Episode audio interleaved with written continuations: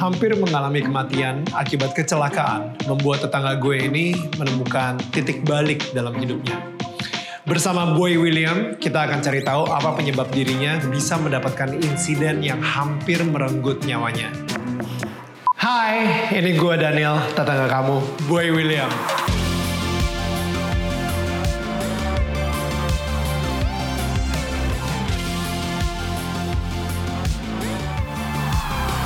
Man, I just want to say thank you, thank you so much. Um, kita sempat ngobrol sih actually, um, dan ini I think di backstage atau enggak pas kita lagi ngapain gitu ya. Gue, lu lu bilang gitu kalau misalnya pas lagi zaman zaman high school, lu itu kayak super um, apa ya? Uh, ya super super spiritual lah kayak gitu. Could you could you tell tell us more about that? Sure. Jadi uh, awalnya sih nggak spiritual. Awalnya gue pindah ke New Zealand. And you know kalau kita sekolah di New Zealand tuh beda lah sama di Indonesia. Lebih free, lebih free spirit dan pergaulannya lebih bebas. Sehingga gue uh, at the time gue bergaul uh, dengan crowd yang salah. Di mana I fell into the wrong crowd. Dan uh, at that time at a very very young age I would be uh, in the streets gitu. Meskipun gue punya rumah dan lain sebagainya, maksudnya kita keluarga Asia yang punya rumah, punya etika dan lain sebagainya. Cuman gue bergaul dengan orang-orang yang mainnya di jalanan gitu. You know, kalau di sana the gangsters lah jatuhnya. Mungkin I felt more comfortable. Makanya sekarang kalau orang nanya, lu bisa nge-rap kok bisa nge-rap sih? Ya karena dari kecil gue gaul sama mereka-mereka yang jago nge-rap gitu. Gangster-gangster New Zealand gitu ya. Yo, gangster New Zealand tuh is super gangster man. Maksud gue, man tim rugby-nya aja itu kalau misalnya sebelum sebelum main itu kayak apalagi gangsternya. yeah, yeah, yeah, you're right, you're right. Gue mainnya sama orang-orang kayak gitu. I felt comfortable in in their um, uh, di di sekitarnya mereka karena mereka orang-orang bukan orang-orang bukan orang-orang ibarat kata yang punya uang dari orang tuanya terus beli mobil Porsche dan lain sebagainya tapi mereka tuh orang-orang yang hustling dan you know like things like that jadi I felt comfortable uh, tapi at the same time pergaulannya memang rada off lah at a young age I'd be drinking at a young age I'd be going to house parties gua sekolah I'd be drunk gitu going to school nah sampai it came to a point where uh, orang tua pindahin kita ke sekolahan Kristen which was a private school karena ya Wait, as parents berarti itu umur berapa? Lu pas gangster-gangster itu lu umur berapa? Oh, I wouldn't say gangster, tapi maksudnya uh, SMP gitu, SMP menuju SMA, I would Wow. be uh, hanging out with those crowd. Jadi very very young age, I was smoking already. Maksudnya kalau orang anak-anak SMP atau apa di Indonesia mungkin mereka pulang sekolah ngeles gitu, ngeles kumon lah atau apa gitu, you know what I mean? Dilesin sama orang tuanya. Kalau di sana beda gitu, like yes kita keluarganya ngeles-ngelesin, cuman karena gua udah ikutan lifestyle orang-orang sana ya pulang sekolah ya gua minum, gua ngerokok, you know, at a very very young age sampai ketahuan bandel dipindahin lah ke Well, Kristen. Ah, karena ketahuan dipindahin. Tapi gue penasaran sih, um, what makes you like like uh, hanging out with that crowd gitu? Karena nggak tahu ya kalau misalnya gue ngeliat gitu dari keluarga lu sendiri kan, there you know as parents, ini ini ini mungkin pelajaran buat gue juga nih. You know, gue ngerasa gue sama istri gue sama anak-anak kayaknya perfect family. Tapi siapa yang tahu kalau misalnya tiba-tiba anak-anak gue nanti malah uh, pas umur umur berapa hang out with the wrong crowd juga gitu kan.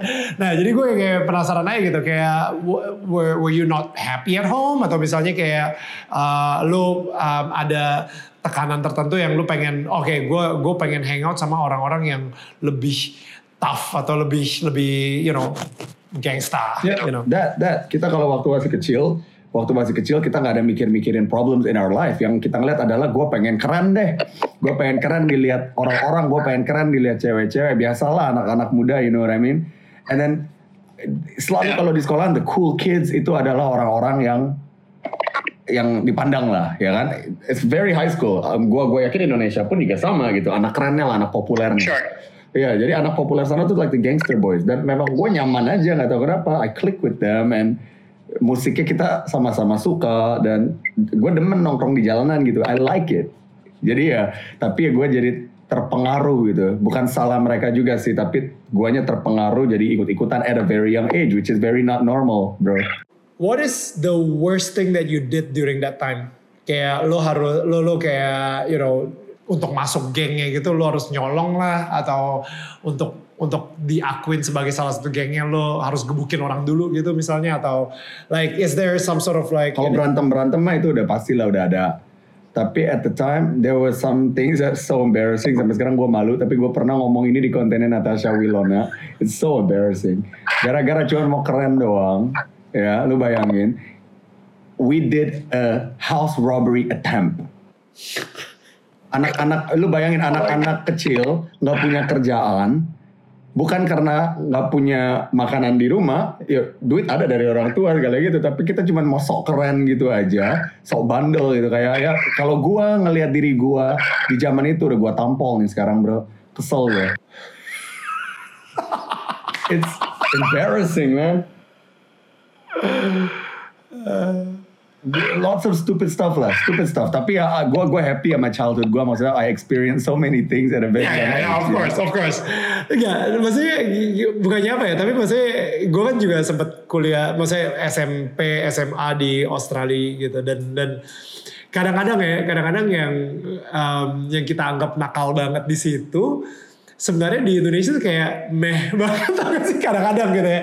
Tapi um, lu sampai kayak kayak jujur kalau misalnya gue gue dulu di Australia tuh sempet kayak sekolahnya gue di asrama uh, ditaruh di asrama dan itu semuanya cowok semua gitu all boys school.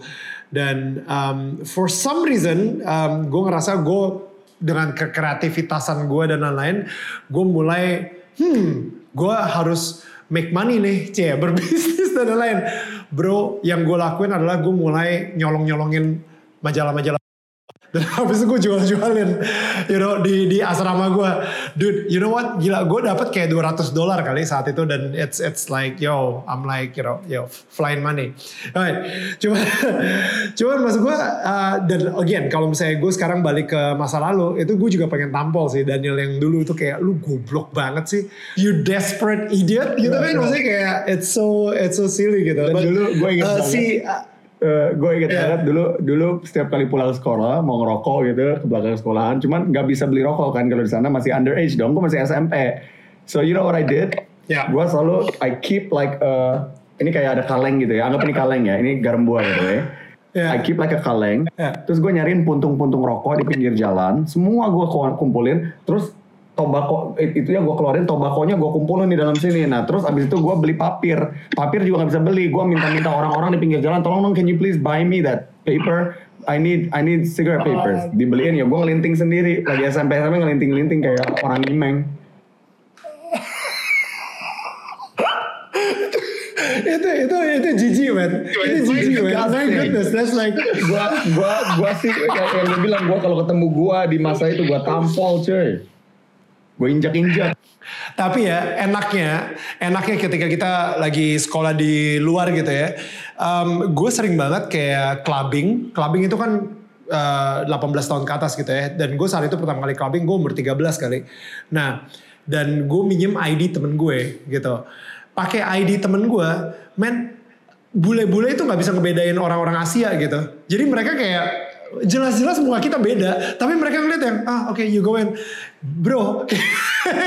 I think itu perksnya kali men ya. Gila dan gue inget banget sih pas umur umur 13 atau 14 tuh gue bener-bener kayak itu I cannot control my alcohol consumption and there was like wah itu hancur banget sih. Gue literally tiduran di toilet gitu ketiduran. It's disgusting. it is disgusting anyway. it is what it is it happened you know Uh, so akhirnya lu ketahuan sama orang tua lu dan mereka bilang kayak oke boy lu ke sekolah Kristen. sebenarnya udah ketahuannya lama tapi it's been like an ongoing process jadi it's been kayak gue bandel keluar rumah gue gue suka lari dari rumah gue tidur di pohon sama teman-teman gue in a tree house you know gue tidur di bus, bus like abandoned bus, gue bawa selimut, gue tidur situ. Yang penting gue bisa ngerokok gitu, yang penting gue ngerokok di luar. Itu, you know what I mean? Vibe kayak gitu. Gila. Akhirnya ya udah, long story short, dipindahin ke sekolahan Kristen, namanya Hebron Christian College. Itu ada, itu benar-benar private banget bro. Dan uh, private banget dan private uh, apa namanya, kayak education wise-nya juga itu benar-benar ketuhanan banget. pertama-tama gue masuk ke situ gue kayak culture shock lah gila ini setiap pagi orang-orang nunduk kepala baca alkitab doa gitu gue culture shock man yang gue biasanya yang gue biasanya nggak gitu ya udah lama-lama kelamaan uh, this is what's true. Lingkungan it really makes you you know? Jadi karena lingkungan baru gue itu gue benar-benar ikut lama-lama nih lama kelamaan gue jadi ikut uh, lifestyle mereka. Bangun pagi baca Alkitab, ke sekolah baca Alkitab, uh, ke mana-mana baca Alkitab, and it was the moment di mana I really believe bahwa God tuh ada. Jadi gue benar-benar hmm. percaya bahwa God tuh ada. Kita diajarin untuk doa, kita diajarin untuk uh, menjalankan spiritual journey-nya secara one on one with God and all that kind of stuff. Hmm. When I let go of everything, di situ gue nggak main lagi sama teman-teman lama gue, dan gue benar-benar convert dan masuk ke lingkungan baru ini. And this has been going wow. on. Um, itu maksudnya yang tadi lu bilang itu bener banget sih. Kayak kayak lingkungan lu itu benar-benar akan ngebentuk lu banget gitu ya. Kayak well you know lu pasti pernah denger juga gitu um, uh, tunjukin gue temen-temen lu sekarang gue akan kasih tahu lu nasib lu 10 tahun mendatang gitu. Jadi kayak itu sesuatu yang menurut gue uh, emang bener banget. Dan akhirnya ketika lu udah mulai you know lu udah mulai ke arah dan lu percaya Tuhan itu ada itu itu what what happen kayak gara-gara cuman gara-gara baca Bible aja tiap hari atau tiba-tiba ada satu momen yang boom? Oh kayak di situ we were taught to pray. Cara praynya juga gimana tapi uh, jadi manggil Tuhan tuh bukan manggil apa ya? Kayak calling out for God tiba-tiba the Holy Spirit will come into your body. Pokoknya kayak hal-hal kayak gitu kita sure. diajarin dan it did happen. It had an effect in my life. Nah in the middle of my school years di situ gue pergi ke Afrika. Jadi sekolahan itu ngajak kita jalan-jalan ke Afrika uh, untuk uh, salah satu kurikulumnya adalah menginjil. Pokoknya wow saat ini bro, gila. Gua kalau cerita ini orang nggak ada yang percaya men sama gua. Dan lu bayangin ya, oh sebelum ke Afrika nih ya, sekolahan itu ngajarin gua ya brother, nggak boleh ngedengerin oh. musik dari dunia. Gue diajarin bahwa nggak boleh ngedengerin musik pop, nggak boleh ngomong kasar-kasar gitu like shit and all that bla bla bla bla bla bla ya udah gue turutin semuanya. Gue bener-bener kayak ngedengerin musik pop tuh kayak sesuatu yang haram gitu ya. Oke okay, so anyway I was forced yeah. to believe that. Jadi gue percaya seperti itu. And then kita berangkat nih ke Afrika bro. Wow it was probably one of the best moments in my life. Kenapa? Gue sampai di Afrika ya. Lu bayangin ya I kid you not. Gue ngomong ke siapa pun gak akan ada yang percaya. Tapi Uh, di sana kita menginjil. Jadi kayak ada crusade. Kita ngundang-undang orang-orang dari kampung-kampung Afrika kita doain bro. Ya, yeah, I know you're a believer, so I hope you believe me. We were praying for them. yang yang sakit bro sembuh. Lu bayangin bro, yang sakit pada sembuh. And then tapi di saat itu gue nggak shock bro, gue biasa aja kayak ya yeah, that's my God, that's my God. Gitu kan maksudnya kayak karena gue udah dididik bahwa that stuff happens. Ya udah jadi ke Afrika kita yeah. we made uh, orang-orang yang kehilangan arah kita kasih mereka ajaran tentang agama, you know bahwa begini begini begini begini begini, pokoknya intinya kayak gitu. And then it was the best two weeks of my life, to be honest, karena gue merasa high banget dan gue tahu Tuhan tuh ada. Oke, okay, this is getting serious man. wow. And then, yeah. gue balik lagi ke New Zealand bro. Nggak tahu kenapa, setan tuh memang setan ya. Setan kembali bro uh, eh, gue udah mulai kayak otak gue dimain-mainin. Aduh gue kangen ngerokok ya. Aduh gue pengen minum ya. Eh, kayak hal-hal kayak gitu. Jadi gue di knock over dan all of a sudden teman-teman lama gue muncul lagi. Satu satu-satu muncul lagi. Hello hello hello. Di situ gue bimbang bro. Lo kayak kayak wow gue punya kehidupan yang dua totally beda. Yang satu begini banget yang satu begini banget. Which one do I which one do I want gitu. Sad story gue kembali ke pergaulan yang awal. Meskipun gue masih yeah. ada kontak dengan teman-teman yang di situ sampai hari ini pun masih ada. Cuman gue kembali ke pergaulan yang awal pas balik ke New Zealand ya udah begitu lagi dan lain sebagainya. At the time gue percaya banget sama I still do. Tapi at the time gue kan like I said gue percaya banget sama the God that my school taught me. Hmm, wow. Gue pindah ke Indonesia bro. Ketika gue pindah ke Indonesia, gue di situ gue bimbang lagi Nil kayak gue pulang ke Indonesia gue punya temen agama Muslim, gue punya teman agama Hindu, gue punya teman agama Buddha, gue punya teman dan mereka hidupnya kayak bener-bener aja dibandingin gue. Mereka sholat lima waktu, mereka ke wihara, sedangkan here I am, I'm sitting on my couch drinking a bottle of whiskey. Hmm. You know what I mean? Terus mereka-mereka ini orang-orang baik di sekitar gue, mereka ke mana ya Neil? Masa gue diajarin selama itu nggak boleh begitu, nggak boleh ngedengerin musik dari duniawi dan gue nggak menyalahkan sekolah itu sama sekali loh. Maksudnya gue belajar Hmm. banyak, gue kenal Tuhan dari situ juga. Tapi kok ajaran di dunia ini semua beda-beda, makanya gue kadang-kadang suka suka bingung gitu. Kalau ditanya spiritual journey lu gimana, gue bilang I'm in a phase where I am so I know my God, tapi I'm I feel confused. Of course. Kita sempat ngomong ini kan, Neil. Iya. Gue ngerasa uh, it, oh, wow Uh, siang ini sih actually gue baru ngebahas ini. Um, kayaknya uh, di setiap uh, perjalanan hidup lo itu Tuhan sepertinya berbeda gitu. Kayak dan emang dia seharusnya, you know, misalnya kayak gini deh.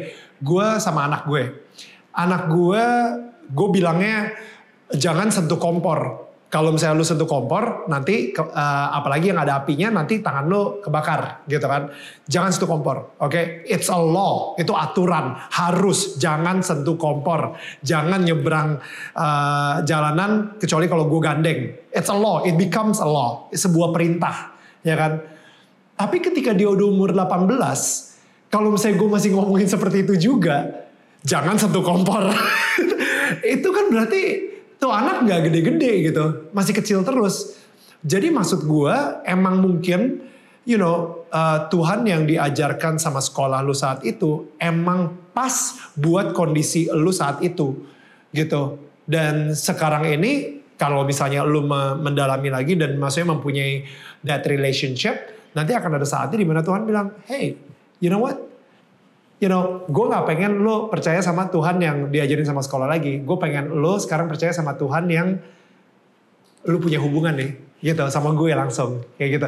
Karena karena emang sekarang udah saatnya Tuhan itu nggak mungkin kayak boy nggak boleh ngomong jorok lagi, boy nggak boleh minum lagi atau apa gitu. It's it's it's no longer about that anymore. You know, udah bukan perintah lagi sekarang. Karena dari perintah sekarang udah evolve jadi relationship sih. Itu menurut gue sih. Um, dan tadi karena baru tadi siang gue bahas man. Soalnya si si Paul dia juga sempat nulis kayak gitu kayak you know when you were a child then you drink milk. But when you're no longer a child, you don't drink milk. You you you eat solid food gitu. You know, and and I feel that's the ini gitu. Um, that's how I feel. Yeah. No, that's super true. Uh, thanks for that. Dan sekarang like I am finding apa ya, like my spiritual journey kayak gue ikutan komsel date gitu. You know, you know date right? Yosi, Yosi, Yosi Iya, iya. Aprila. Ya, Ya jadi barengan sama Iya, iya. mereka uh, dibimbing lagi maksudnya just joining into a community yang yang yang lebih sehat gitu, you know what I mean? Gua gua tipe orang yang uh, gue nyari tahu dan gua respect banget sama semua agama yang ada. Like I totally respect it. Menurut gua semua agama tuh indah bagi gua. Uh, I question a lot of things gitu. Gue orangnya punya banyak banget pertanyaan kayak gue ngeliat ini kenapa bisa begini, gue ngeliat ini kenapa bisa begini, you know what I mean? Termasuk Ya. religion. So, um, gue cukup kaget sih ketika lu udah Afrika dan habis itu lu udah high lagi high-highnya, lu yang benar-benar kayak high on the Holy Spirit gitu ya. Um, dan lu begitu balik ke Indonesia, eh, ke ke New Zealand, like ya bisa kegoda lagi gitu. Uh, padahal sebelum ke Afrika lu juga di New Zealand kan. Maksudnya uh, sebenarnya kesempatannya itu ada banget gitu. Tapi kenapa baru pulang dari Afrika lu baru baru kayak kegoda lagi dan habis itu pas begitu nyampe Indonesia itu makin makin makin you know the relationship makin jauh lagi kan. Hmm. Bro, the devil is real, bro. The devil is real.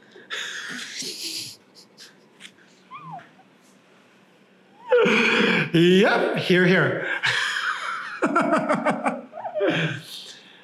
Oke, damn. Dan um, saat itu ketika lu balik ke Indonesia, eh, itu lu ke ini yang untuk MNC Music Channel uh, startin right? Itu baru pertama kali banget tuh. Pa- Pas lu balik dari New Zealand langsung lu ke startin tuh. ya? Gue balik dari New Zealand, gue kuliah dulu, gue kuliah bisnis dan lain sebagainya. Tapi sambilan on the side, dia gue ikutan starting, gue casting casting gitu. Karena ada temen yang bilang, ayo ikutan, gue gua main-main iklan dan lain sebagainya. Ya gue orangnya yang like I said, gue banyak pertanyaan, why why why, gue pengen tahu, ya gue ikutan. Dan memang ya ini salah satu impian gue ya untuk bisa uh, to know what it feels like to be on TV. Ya kalau nggak, gue nggak mungkin dong uh, mau coba-coba. Jadi kalau ditanya oh enggak gue nggak pernah mau ngerasain terkenal kok tiba-tiba aja like bro that's bullshit. I did have that feeling pengen. You know what I mean? Jadi uh, ya udah ikut starting dan lain sebagainya. Terus MTV I took after you. I looked up to you and I took after you. Dan yeah career I don't know why maybe it's it's it's it's luck I guess. I don't know it's luck and I've never stopped working since. Semenjak that starting days MTV days meskipun acara-acara yang gak selalu booming sometimes it's a flop but there's always a job in this world for me. Jadi in this entertainment industry for me. Jadi dari hari itu sampai sekarang I've never stopped working since. Jadi I'm thankful lah. So kira-kira rencana Tuhan untuk lu bisa ada di entertainment tuh kenapa bro? I think ya kalau ngeliat-ngeliat ke sini ya I have a feeling it's like to show I came up with the show Nebeng Boy. Sebenarnya it's carpool karaoke. Inside the car. Yang tadi you said in the beginning, like when you look at my show, it seems like there's a purpose. The purpose of having that show is always to, and I say this all the time di setiap interview. Gue pengen orang-orang di luar sana jangan terlalu merasa bahwa hidupnya itu uh, going down hills atau hancur atau apa. And I don't want people to feel like they're alone. Di sini every celebrity pun yang you think is made out of gold and diamonds, they're not. Jadi uh, gue pengen orang-orang ngelihat juga bahwa these celebrities are not made out of gold and diamonds also. Mereka they're just like everybody else. Dan inside yeah. the car, I try to strip it down as strip down as possible. Say in saying di situ nggak ada manager, di situ nggak ada asisten, di situ nggak ada siapa-siapa, nggak ada kameramen. Cuman yeah. gue, lo, dan tiga kamera. So let's get naked. Ibarat kata. Yeah. You know, let's get naked get and have fun. Let's get raw. Yeah, let's get raw. Ya udah di situ and then a lot of people start responding kayak oh my god this person tuh kayak gini I never knew this person begini I actually never knew bahwa this person can cry I never knew ini hidupnya berat banget ternyata lalala. and then there's a lot of comments di situ yang people feel relatable kayak hey I've gue lagi going through the same situation. Eh ternyata idola gue Daniel Mananta juga ngalamin hal yang sama.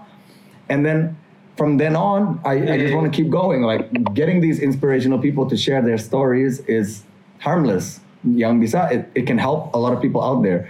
Dan dengan gitu mereka juga nggak merasa terlalu social yeah. distanced with people of the upper class yeah. of the celebrity class and let's say uh, sorry to say people that's not celebrity class maybe the lower class ngerti nggak maksudnya like there is no difference sure. whatever class you're you are in this society nobody's made out of gold and diamonds everybody is you know everybody yeah. makan nasi and then they shit once a day ya yeah.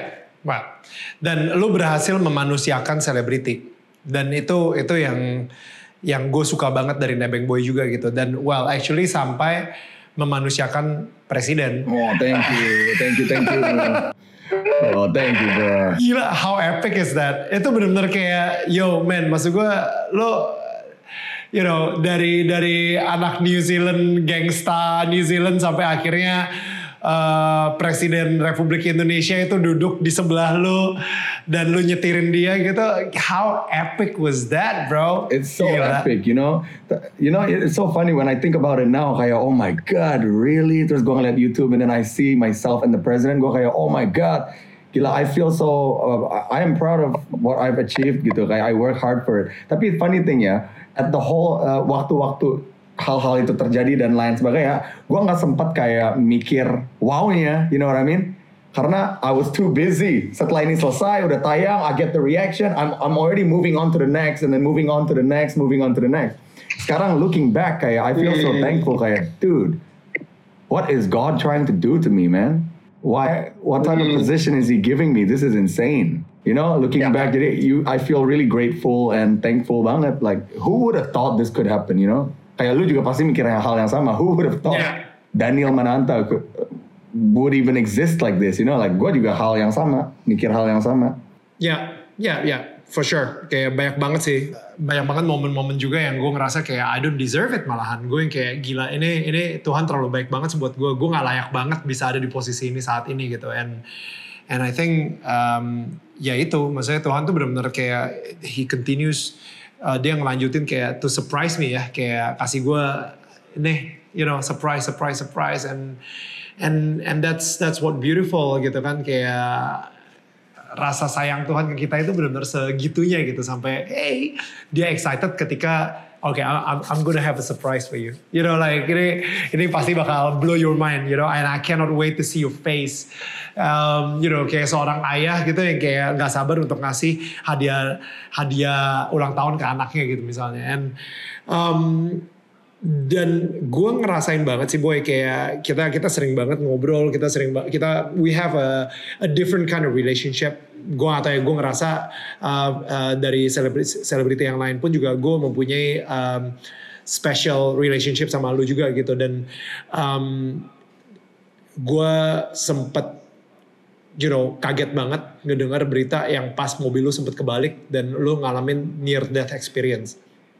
Um, itu itu pengalaman hampir mati banget dan uh, you know gue gue gue gue pengen tahu sih kayak uh, could you like could you tell us like what happened? Dan maksudnya karena gue ngerasa Tuhan sayang banget sama lo punya purpose yang gede banget buat lo uh, dan dan dia ngelindungin lu banget gitu saat itu. Karena no no no this is not your time yet. Gue masih punya bigger plan for you. Jadi makanya boleh boleh ceritain dikit gak what happened and everything? Ya yeah, jadi yang the first time gue di Amerika di Portland gue lagi duduk di dalam mobil uh, parkir di salju on a hill. Terus tiba-tiba mobilnya itu gue sama satu keluarga lah. Tiba-tiba mobilnya itu just started sliding down sliding down down down down down down down. Gue buka pintu gue loncat dong gue loncat keluar into a cliff. Jadi ini gue benar-benar on a cliff loh bro Daniel. Jadi I jumped into a cliff and I was hanging on to a branch. What? Luckily, I didn't fall off the cliff gitu. If Wait, I fall off, it'll be gone. Yaudah, I'll be done. Yaudah, that's one time. And then the second time, gue lagi di New York. Sorry, keluarga lo yang lain mana? Yang yang kan itu mobilnya ke belakang terus. Oh, jadi gini, yeah. we were all in the car, kita udah ready to go. Terus tiba-tiba nyokap gue ada firasat kayak nggak enak nggak enak nih perasaannya. Keluar dari mobil dulu dong. Semua pada keluar satu persatu tutup mobil. Suruh si William aja nih gue dipanggil William. Suruh si William aja mundurin sendiri ya kan? Maksudnya biar biar biar biar nggak berat gitu you know what I mean? Biar aman ntar masuknya pas sudah di data. Eh the moment they left the car like I kid you not like three to five seconds the car started sliding down fast and I jumped up. Bagusnya satu my mom said hati-hati let's leave the car. Kedua, bagusnya gue belum pakai seat belt bro when it started sliding. Orang lu bayangin gue mau loncatnya begini begini begini I'll probably be gone. Yeah. Nah, second time gue di New York lagi di uh, highway ngebut banget nih. Wow, nggak nggak dibilang ngebut banget sih enggak ya. Maksudnya highway speed lah. Terus uh, I don't know why ini highwaynya bukan kayak highway tengah kota. Highwaynya udah kayak menuju menuju perkampungan gitu. Jadi suka ada putar balik, bro suka ada putar balik di tengah-tengah highway lu tahu kan? Di depannya gue ada mobil tow truck panjang banget. Tow truck itu yang truk-truk gede. All of a sudden gue lagi enak-enak nyetir nih. Kurang ajar si tow trucknya. Itu tiba-tiba made a U-turn. Dan lu tahu kalau tow truck make a U-turn nggak bisa tiba-tiba begini dong. Dia harus ngambil kanan dulu yeah. karena dia gede. Terus dia begini. Bener nggak? Ya. Yeah. Dia ngambil kanan begini nih bro, ini mobil gue lagi begini. Dia muter gini, bang, I went under the tow truck selesai all the kaca-kaca just blew out of proportion. Mobilnya udah gepeng dan lain sebagainya everything was gone. Kita sama sekali nggak kesentuh. And then when the tow truck people came and then they saw the car on site they were like all shocked kayak mobilnya bener-bener hancur bro. Kayak kaleng Coca-Cola lu ke mesin begini. Wait wait wait. Yang ada di mobil saat itu siapa aja? Gue Karen nyokap Karen bokap Karen. Kita berempat nggak ada yang tersentuh Gila Oh man. And and you know. Okay. Stop right there. Lu tahu nggak seberapa besar ini bisa membuat lu trauma untuk gak pernah nyetir lagi. And here you are mempunyai kesuksesan yang sangat luar biasa dengan nebeng boy. So crazy, right? That's why Tuhan sayang sama lu, lu deket sama Tuhan makanya lu gak kesentuh apa-apa. Gue malah gini ya. Mungkin karena gue belum dekat kali sama Tuhan gue belum dikasih pulang.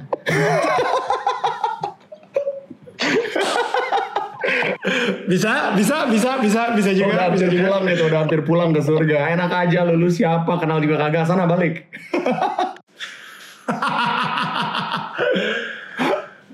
No the, the the funny thing is like your apa ya um, your near death experience itu ya maksudnya ke musibah lu itu berhubungan dengan mobil and yet kesuksesan lu berhubungan dengan mobil. Oh my I just, God. I'm like, I never thought about it that way. You are right. right? Whoa. Whoa. The devil is real. Real, brother. Gue gak pernah mikir kayak gitu loh bro. You're right. Karena itu men, kayak misalnya nih ya, eh, lu trauma Iya. eh, karena ke- dua kecelakaan men, dua near death experience ya, dan itu dua-duanya ada hubungannya dengan mobil. Ketika lu trauma, abis itu lu bilang, you know what, mulai hari ini gue gak nyetir lagi. You lost an, an- apa potential buat nebeng boy gitu. And and that's the thing. You know what? Eh, senjata terbahaya lu itu akan berusaha dirusak duluan sama si setan menurut gue nih.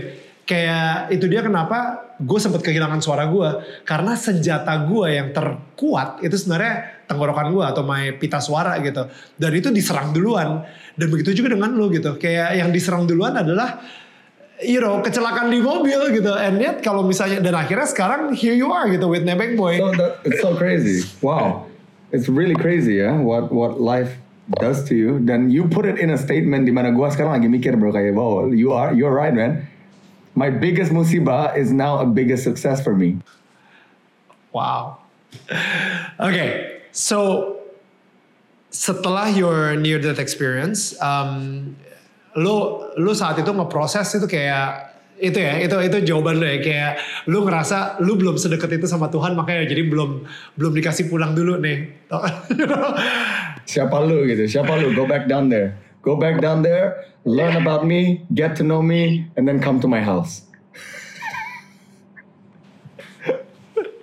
Bisa sih. So um, I want to talk about another um, journey of your life gitu, and I think this is something that um, that is probably like the most uncomfortable. Um, you know, when your brother passed away, um, it saddens me so much. Gue bener-bener kayak sedih banget. Gue ngeliat postingan di Instagram lu, gue sedih juga. Gue nggak bisa ngebayangin kalau misalnya gue kehilangan adik gue dan um, dan apalagi lu juga saat itu kayak apa ya terpukul banget dan uh, dia juga punya anak juga yang baru baru lahir ya saat itu ya kalau nggak salah ya. Ya, ya, satu umur satu tahun, yang satunya lagi belum belum lahir masih di kandungan. Oh man. Jadi saat itu lu pernah berdoa gak sih sama Tuhan kayak you know mungkin marah sama Tuhan atau mungkin lu kayak penasaran Tuhan di mana sih saat itu? Lebih ke in shock gitu kayak gimana ya rasanya kayak lu tahu orang akan mati. Lu ngelihat banyak kecelakaan di berita. Lu baca-baca gini-ginian di koran. Lu nonton di TV, lu lihat di film. Tapi you never think in a million years it would happen to you. Ya. You know, kayak gini, ginian mah cuma cerita-cerita aja, nggak bakal terjadi ke keluarga gue gitu. And then when it happens, lu kayak in shock gitu, like in a form of, ah apa ya kayak, what's the word? Kayak benar-benar, I was just eh, still gitu aja in shock, nggak tahu, I don't know what to feel. I don't know if you have, have you ever had that feeling?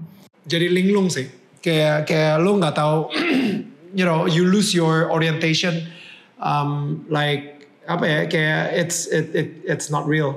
You know, you you don't feel like it's real. kayak bingung and then uh, Yeah. uh, it was so shocking kayak sedih banget uh, bingung banget marah juga tapi you, I don't know which emotion to process first. Kayak semua campur aduk gitu. Ya sama sama Tuhan juga at the same time. Gue malah nggak mikirin Tuhan at the, at the time. Gue lebih ke what the hell I just lost my brother gitu. Dan Ya. kayak God you better be real. Like he better go to you. Ngerti gak maksudnya? Kayak that's the type of feeling. Yeah. You you never you never blame God for the loss of your brother. No, I don't blame God for the loss of my brother. Cuman I just ask why this had to happen. I know we all gonna die eventually. Why it had to happen now? Gitu kayak what what was the reason behind all this that it had to happen now? Gitu. Ya. Udah dapet jawabannya? Um, I don't know. Jawabannya gue nggak tahu. To be honest, bro, I really don't know. Kalau lu nanya kayak gitu, this is very hard karena I don't know the answer to this. Jawabannya apa? Like now, the household we're doing fine. We're we're we're we're pulling up okay. His kids are happy. Maksudnya, the wife is okay now. Kayak we're getting on with life and all that kind of stuff. Uh, I can't say iyalah ini harusnya terjadi makanya hidup kita sekarang begini everybody's happy in the house no gitu jadi it's not that way No. apa ya jadi kalau ditanya jawab udah dapet jawabannya I really don't know How do you process grief? Karena bukannya apa ya, maksudnya kayak gue kenal juga ada beberapa orang yang jadinya spiteful. Jadi ada beberapa orang yang ketika dia uh, kehilangan seseorang yang dia sayang gitu ya, akhirnya malah you know jadi kepahitan, uh, jadi orang yang pahit banget malahan gitu ya, uh, kepahitan sama Tuhan misalnya, jadi pahit banget. Tapi gue nggak ngeliat itu dari lu gitu. Um, makanya justru di situ gue pengen belajar banget dari lu. Uh, lu prosesnya gimana sih sampai akhirnya man look at you like lu sekarang ini kayak kayak lu masih menyebarkan sukacita gitu you know ke orang-orang gitu and obviously sekarang ini pun juga apalagi di zaman-zaman covid ini mungkin banyak orang yang sekarang kehilangan orang-orang yang berharga di mata mereka gitu. Dan you know mungkin udah pastilah lu pertama-tama lu akan ngeblame. Lu akan ngeblame lu akan lu akan menyalahkan orang-orang sekitar atau misalnya lu menyalahkan Tuhan misalnya atau menyalahkan apa. Sampai akhirnya lu ngeproses um, bisa sekarang back to the new normal you know what? There it, uh, it will never be okay tapi it will get better. When you lose someone in your family pasti awal-awalnya itu shocking banget dan kita bingung kayak kehilangan arah dan banyak pertanyaan why why why why why? Uh, gua awalnya juga sedih banget dan I really don't know what to do. Tapi after a while things heal things get better. Gue selalu nggak demen I I don't like the term orang meninggal gitu you know I always like to keep a positive side to death gitu. So what I always say is he graduated life. He graduated first. Like I said, gue belum dipanggil waktu itu karena gue belum deket. Maybe dia yang mau dipanggil duluan. He graduated first. Dia lebih pintar. Dia dia yang hidupnya lebih lebih layak untuk untuk graduate. Dia udah di wisuda ya gue belum. ya You know what I mean? Like congratulations to him, man. He passed life. Hmm. Like I like to put it that way. I don't want to see death as a negative thing anymore karena it's gonna keep coming. Kita bukan vampir. ya You know, we're not vampires. People are gonna die. People around us are gonna die. So let's just say that people around us will graduate. Hmm. And it really helps when you when, Wow. when you put a mindset to it that way, kayak positive mindset. It really helps. And buat gua, it uh, lama-lama kayak the grief just shifts Hmm. when you know that he is celebrating his graduation up there. Ya kayak gitulah. Gua sih mikirnya gitu. It's all in the mind. Ya, gila sih. Itu itu itu butuh apa ya? Maksudnya, ya, I mean semua orang pada bilang kalau time will heal. Um, tapi kadang-kadang mindsetnya itu yang akan menentukan ketika lu healnya, lu uh, ketika lu sembuh uh, dari kesakitan lu tersebut gitu, lu akan sembuhnya dengan you know uh, lukanya itu sembuhnya secara sehat atau sembuhnya itu ada tumor di balik itu gitu you know. So, karena kadang-kadang ketika time will heal mereka nggak bikin effort untuk merubah pemikiran mereka untuk jadi positif tapi malah lebih bertahan kayak man you know what you know kayak tadi gue bilang kayak kepahitan kepahitan terus sama Tuhan gitu misalnya why why him why not someone else atau you know and stuff like that gitu and I think it's a healthy itu cara yang sehat banget sih untuk lu grieve uh, the loss of your brother. Hmm. And everybody's gonna die. Everybody will die. Itu is, is end of story. Cuman itu doang yang pasti. Death, tax, and K-pop.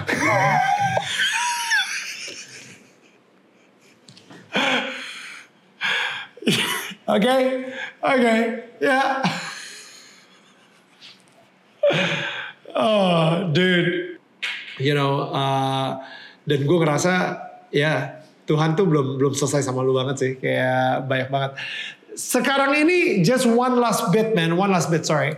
Um, Tuhan di mata lu itu seperti apa sih? Can you describe his characters? Kayak karakter-karakter Tuhan di mata lu ini sekarang seperti apa? Oh, Tuhan itu baik banget. Tuhan itu pemaaf. Tuhan nggak menghakimi. Dia itu akan terima kita kapan pun kita mau balik ke dia. Tergantung kitanya aja mau apa enggak gitu.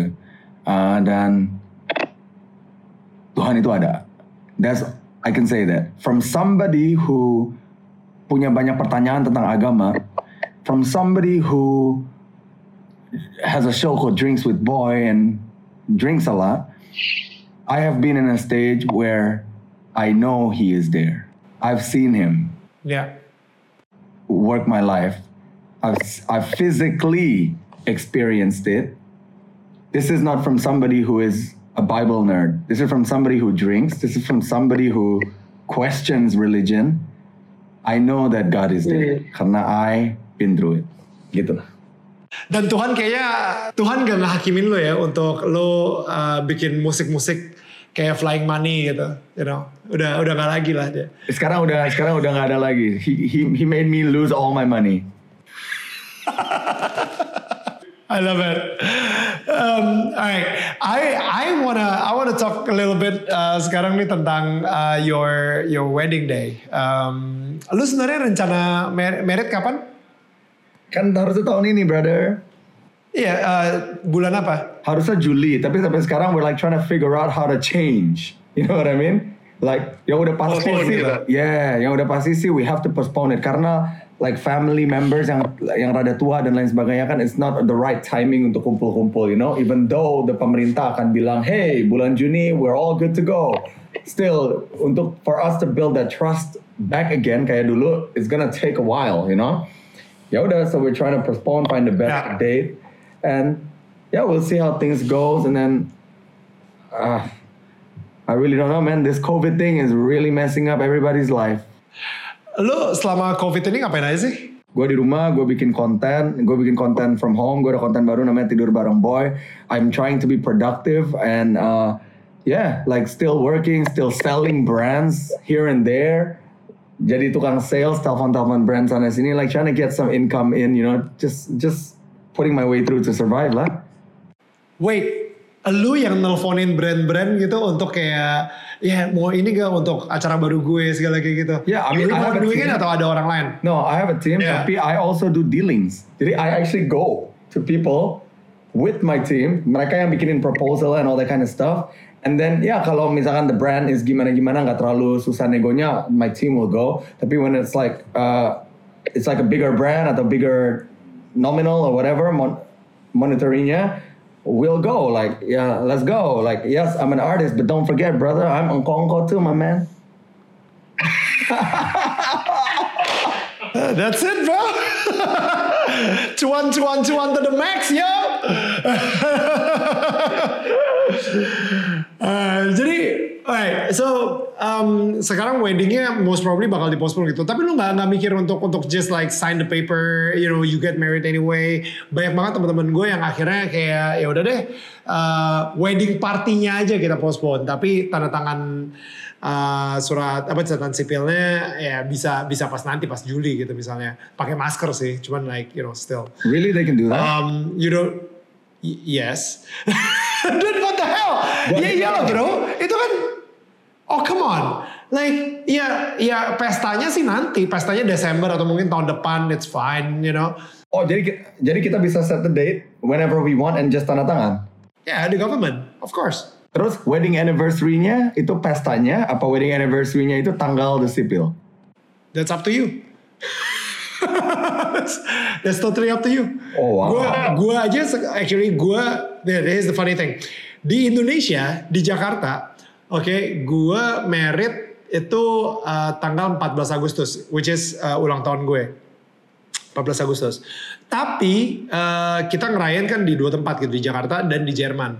Pas di Jerman itu baru kita tukeran cincin. Wow. Nah, gue ngerayainnya pas kita tukeran cincin tanggal 2 Oktober. Jadi anniversary kita tanggal 2 Oktober dan bukan tanggal 14 Agustus. Kayak gitu sih. So it's it's up to you. Maksudnya ya yang yang merit lo ya yang merit lo lo yang nentuin aja lah. Ya, what if like, oke kita tantangan sekarang, and then the party ya nanti gitu, tiba-tiba hamil gitu pas party. Masa pesta gendut? Dan you postpone again bro. postpone again gitu you know. Tapi pas pas lagi party udah bawa bayi gitu. Yo, what's up? Yo, my wedding night. oh, bro. So, bro, thank you so much. Uh, just wanna just wanna say thanks again. I really appreciate your time. I really appreciate your your your rawness dan you know banyak hal banget yang gue pelajarin uh, hari ini dari lo. Uh, I think yang tadi gitu ya kayak um, apa lingkungan yang lu punya itu benar-benar kayak nentuin banget hidup lu sih. Um, you know who, siapa yang lo hang out gitu ya, lu nongkrong sama siapa, ya nasib lu bakal kayak mereka gitu. Dan habis itu yang yang gue suka banget actually yang sama-sama nih this revelation that we both have gitu. You know musibah terbesar lo bisa malah menjadi berkat terbesar lo juga gitu. Oke, okay, bro, thank you again. Bye. I love you, brother. Thank you so much for being real. Bye, See you. God God bless you, brother. Bye, Bye. bro. Bye, Karen. Bye. Thanks guys sudah mendengarkan podcast Daniel Tetangga Kamu. Dan jangan lupa untuk follow podcast Daniel Tetangga Kamu di Spotify dan share ke sosial media kalian sekarang juga. Kalian juga bisa menyaksikan Daniel Tetangga Kamu hanya di Daniel Mananta Network di channel YouTube-nya setiap hari jam 4 waktu Indonesia bagian Barat. Karena setiap minggunya akan ada sosok-sosok inspiratif yang akan menceritakan perjalanan spiritual mereka. Guys, gue cuma bilang sekali lagi, thank you so much.